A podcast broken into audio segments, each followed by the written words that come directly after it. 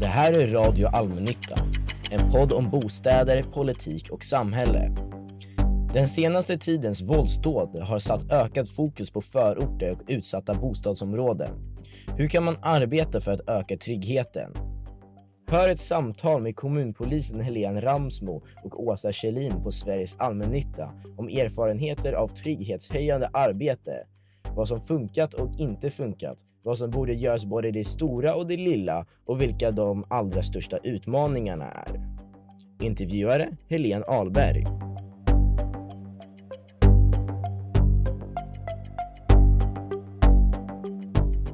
Hej och välkommen till Radio Allmännyttan säger jag till Helene Ramsmo som är kommunpolis här i Göteborg Ja, stämmer. och Åsa Schelin som jobbar på Sveriges Allmännytta just nu, håller på mycket med boendefrågor och har tidigare jobbat med trygghetsfrågor på Huga bostäder.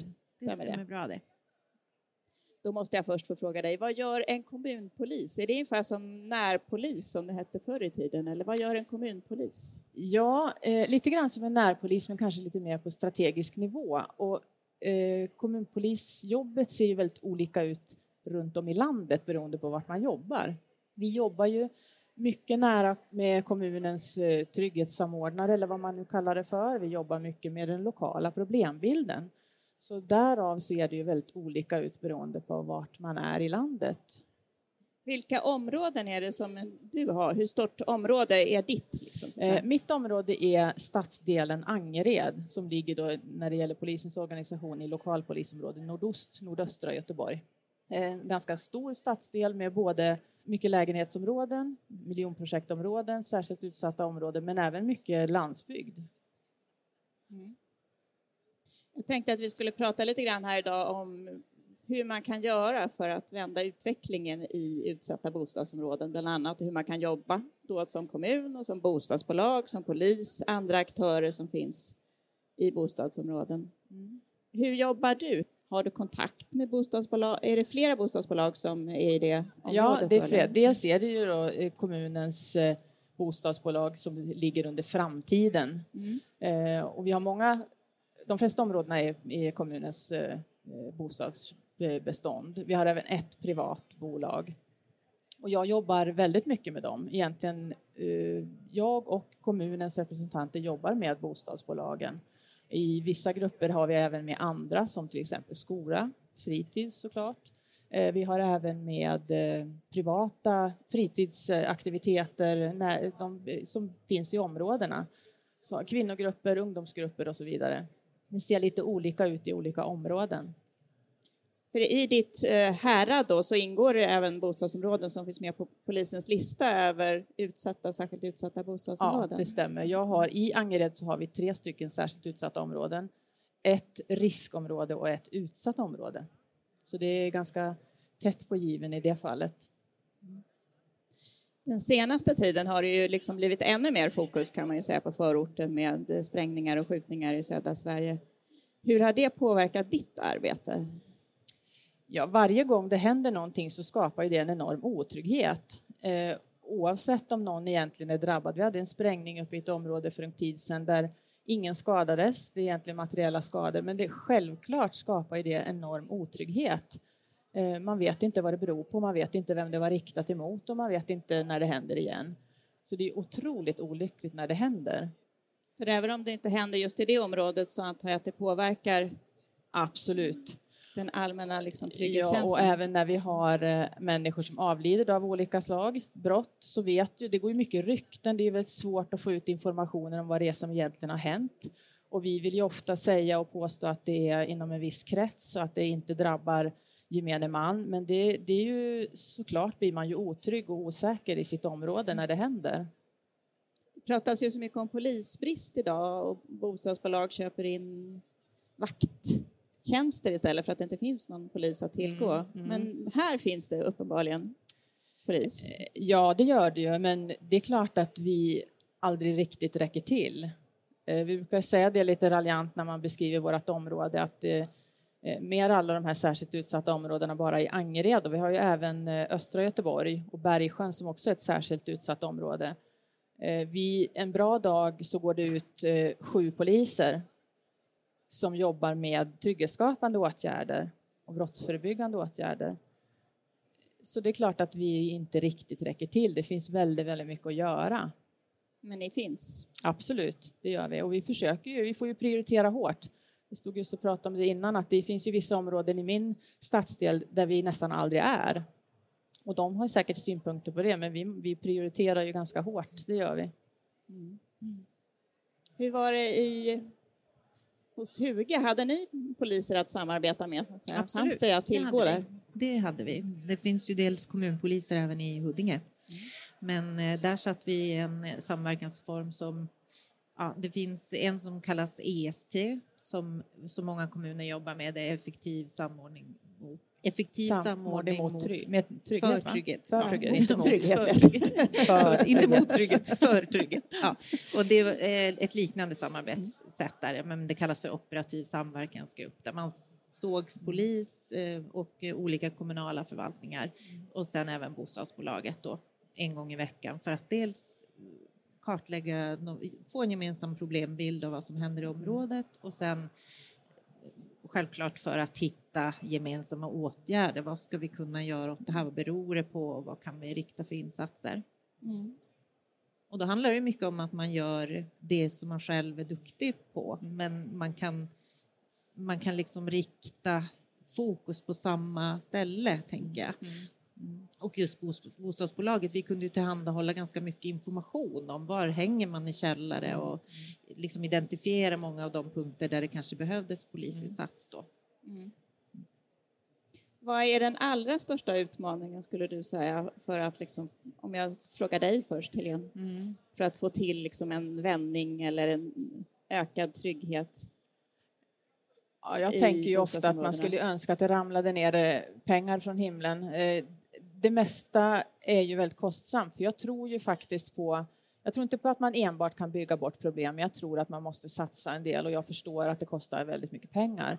Men de här områdena är ju i stort behov av upprustning och man behöver ha resurser för att hålla, eh, laga och städa och snyggt och rent och få ordning på sånt. Det, det, de är så nerslitna de här områdena. Mm, du det tänker den rent fysiska miljön? Ja, ja liksom. det tror jag faktiskt är jätteviktigt. Samtidigt så förstår jag ju att det finns ingen eh, stor ekonomi i det. är ingen som vill kliva in och satsa mycket pengar på det här, men jag tror man måste göra det. För man måste skapa en känsla av att eh, för de som bor där, att det, att det är någon som bryr sig. Att det här är viktigt jag tror att det är viktigt. Det är en sak såklart. Men, eh, och sen måste man satsa på de som bor där med... Jag träffar mycket kvinnogrupper. De måste lära sig svenska. De måste komma in i samhället. De, måste, de kan inte låta eh, barnen styra deras värld, för de kan svenska. Jättestor fråga. Nästan det enda jag pratar om när jag är ute och pratar med kvinnogrupper. De hamnar i en annan position i familjen för att de blir beroende av sina barn. Exakt, och barn, eh, jag har själv barn, de kan ju vara lite luriga när de är, växer upp. Man säger att alla andra får och varför får inte jag? Och här kör man till och med med att eh, om inte jag får det här så kommer socialtjänsten och tar mig. Det är den första fråga jag alltid får. Varför kommer ni att ta våra barn om de inte får en ny iPhone? Och jag skojar inte ens, det är Nej. på det här viset. Det är en stor fråga. Ja. Och jag brukar säga till dem, tycker ni det är orimligt, låter det konstigt, då kanske det är så. Ni måste lära er svenska så att ni själva kan ta del av den information som finns. Mm. Nej, där har man ju då som barn lite annorlunda sitsen att bara säga att alla andra i min klass har. Mm. Visst. Det väger lite tyngre med socialtjänsten. Mm. Och polisen, de tror ju att polisen åker runt och tar barn också. För det har de ju hört.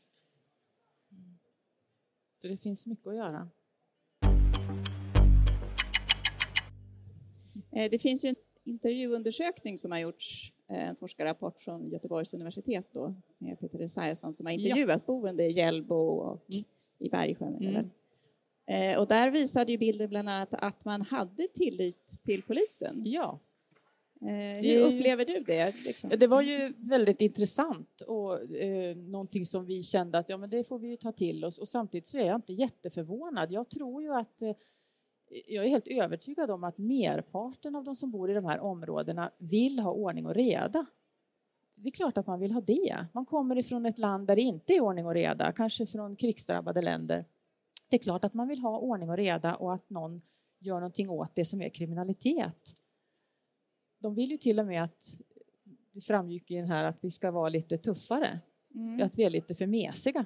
Ja, Mm. polisen, svenska polisen var lite mjuk tyckte Ja, man. man är lite mjuk. Och det kan man ju diskutera om, om det är så det är, men eh, ja, det var intressant. Men blir du bemött med respekt när du är ute i dina områden? Så att säga? Eller märker du av någon Till, all, fientlighet? till liksom? allra största del. Jag träffar ju, jag är ju en, den typen av polis som oftast är ute där jag blir kallad till möten, till olika grupper och så vidare. Men de poliser som jobbar ute i uniform dygnet runt, de har en tuff miljö att jobba i.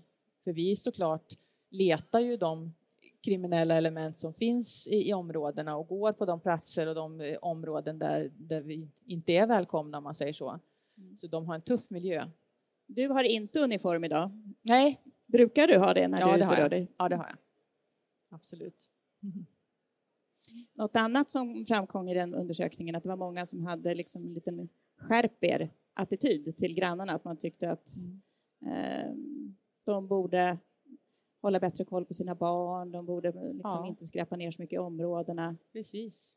Och det är ju Eh, egentligen är det något du känner igen? Liksom? Ja, ibland undrar jag ju, för det är ju väldigt skräpigt och väldigt mycket barn ute, men det finns ju olika förklaringar till det här. Eh, De är ofta väldigt trångbodda. Många barn är ute därav, för det finns inte plats hemma. Eh, Dessutom så har man eh, det mycket problem med mycket andrahandsuthyrningar. Då har, om du hyr olagligt i andra hand, då har du inte möjlighet och tillgång till soprummet. Och förstår, har du ingen bil så du kan inte skjutsa din soffa till soptippen. Alltså det, Det Ja. finns praktiska... Ja, det, det finns ju ofta förklaringar också. Sen får man ju då lösa dem på något vis, tänker jag. Men andrahandsuthyrningar är ett stort problem.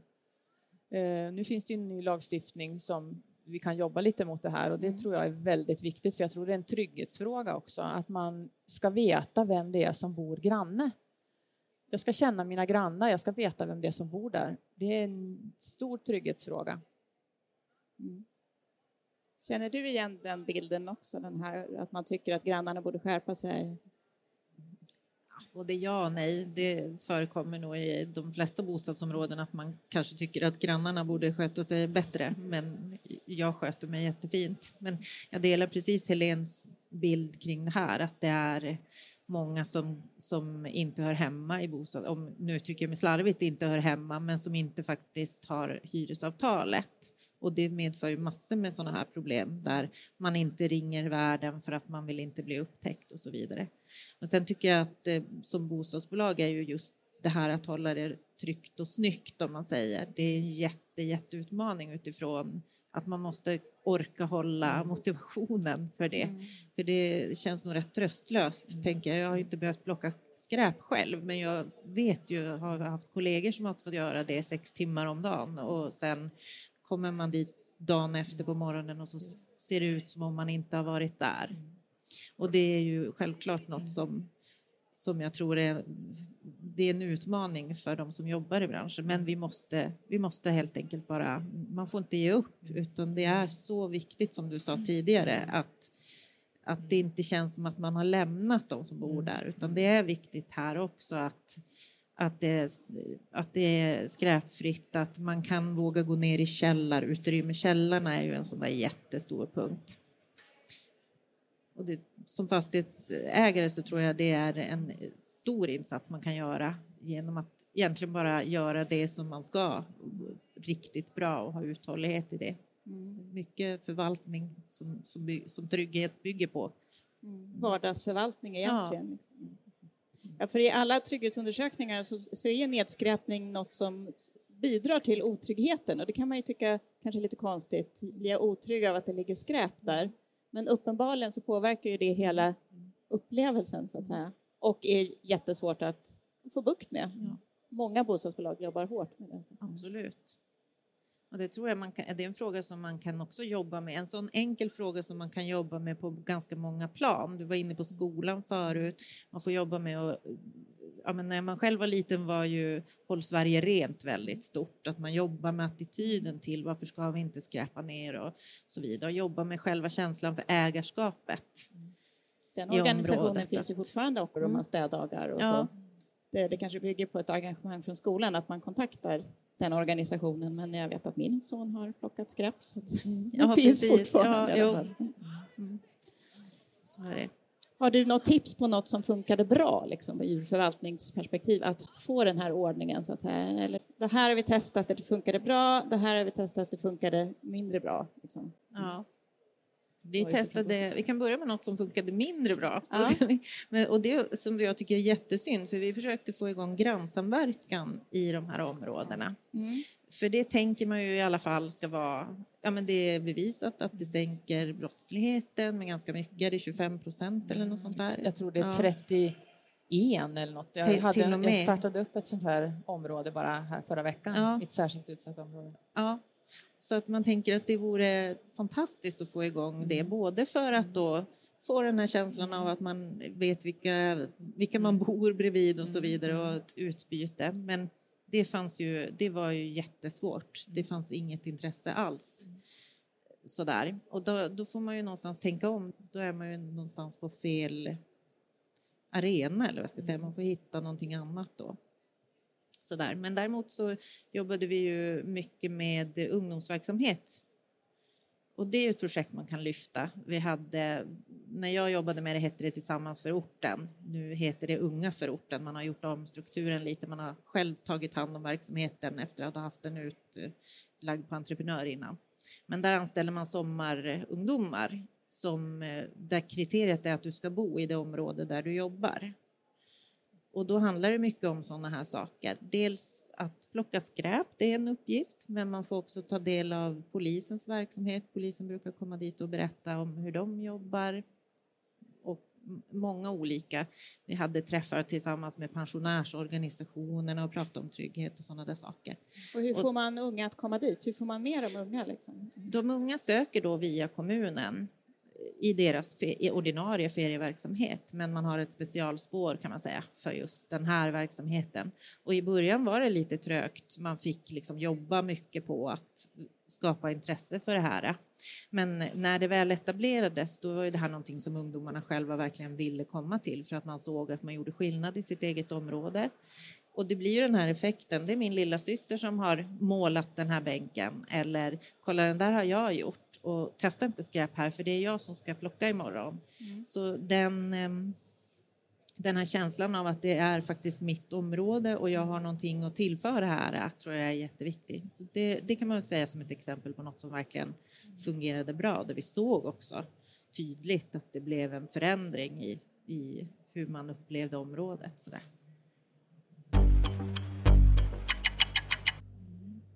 Den här olovliga andrahandsuthyrning då, där det nu finns lite större liksom, lagliga möjligheter att komma till rätta med det. Men hur kan man jobba som bostadsbolag? För att liksom, ska man knacka dörr? Ska man fråga efter ID? Legitimation? Hur ska man göra liksom? För att, Ja, där, finns det ju, där gör man ju lite olika bland bolagen.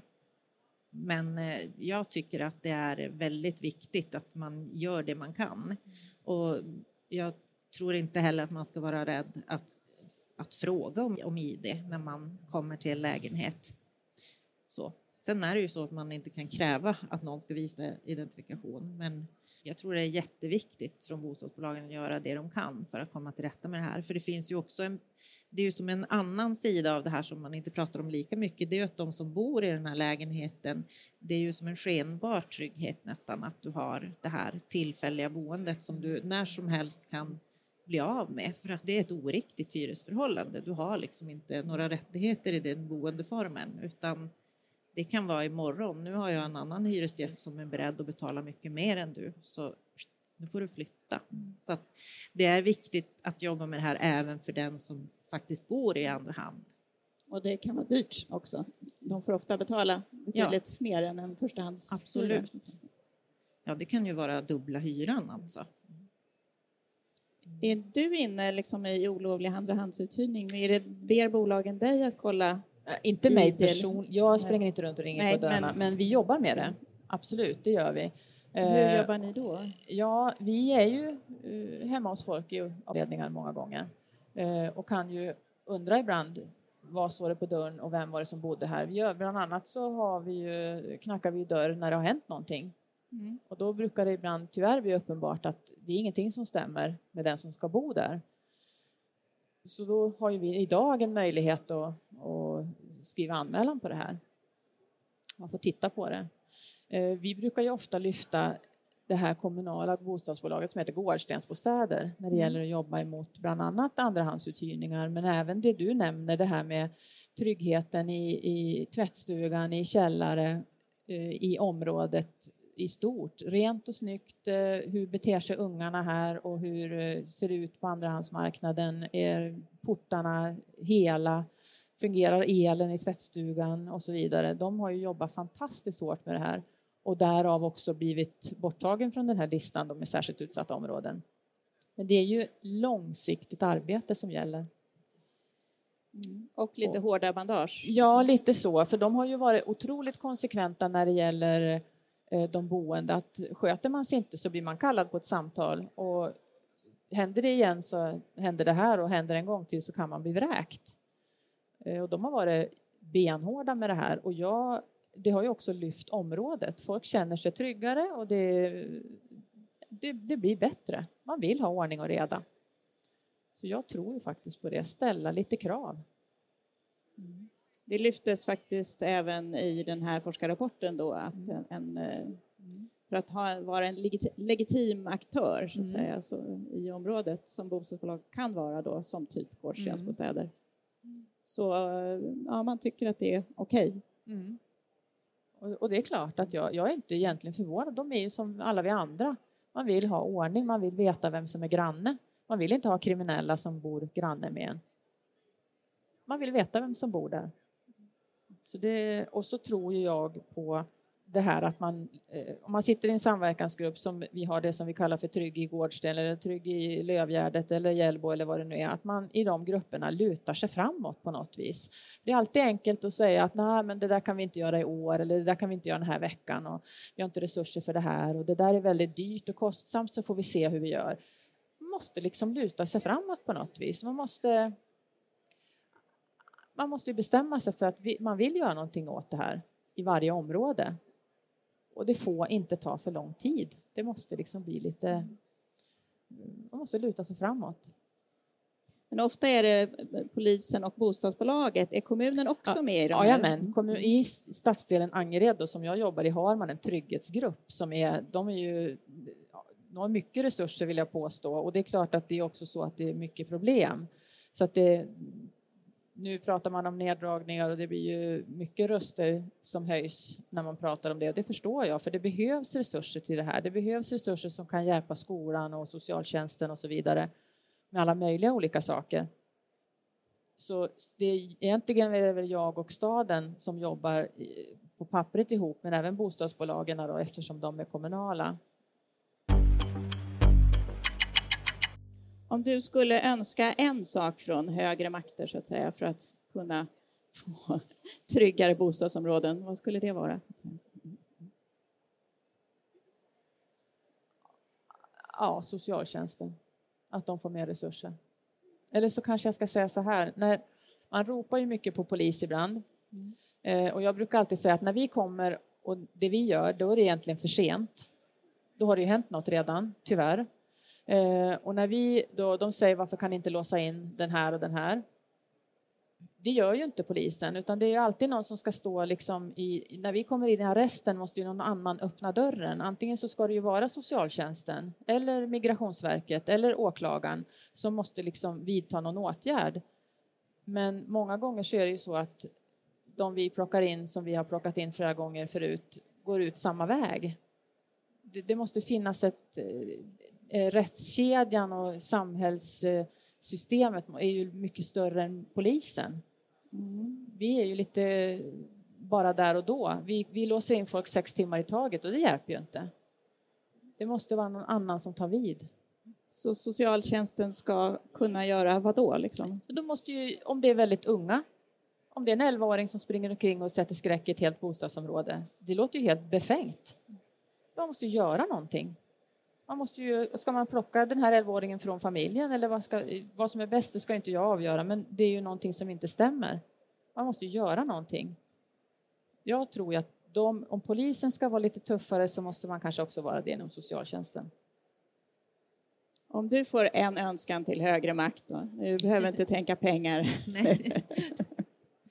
Ehm, ja, det är så svårt att välja en, men Mm. jag, jag tycker att den här vägen att gå där man verkligen samverkar och eh, där det finns en möjlighet att utifrån den samverkan också handla. För att man kan ju sitta och beskriva en problembild hur länge som helst, men om man inte hittar vad ska vi göra med det då, så ehm, kommer man ju inte, då kom, kan man inte luta sig framåt. Utan, och det är väl det, att hitta vägen fram, att man ska hitta vägen fram till hur man kan ta nästa steg i, i varje enskild situation. För att vi är väldigt starka tillsammans. När man går ihop så här och, och jobbar ihop så, så kommer man ofta ett steg längre än vad man hade gjort själv i alla fall. Eh, Så är det. I stort och smått. Jag tror det är också en sak, att inte förringa de små framstegen. Det går att nå fram. Det går att nå fram. Så jag vet inte om det var en önskan, men mera bra, effektivt samverkan, tänker jag. Tack så hemskt mycket för att ni kom till Radio Allmännyttan. Tack så mycket. Tack själv.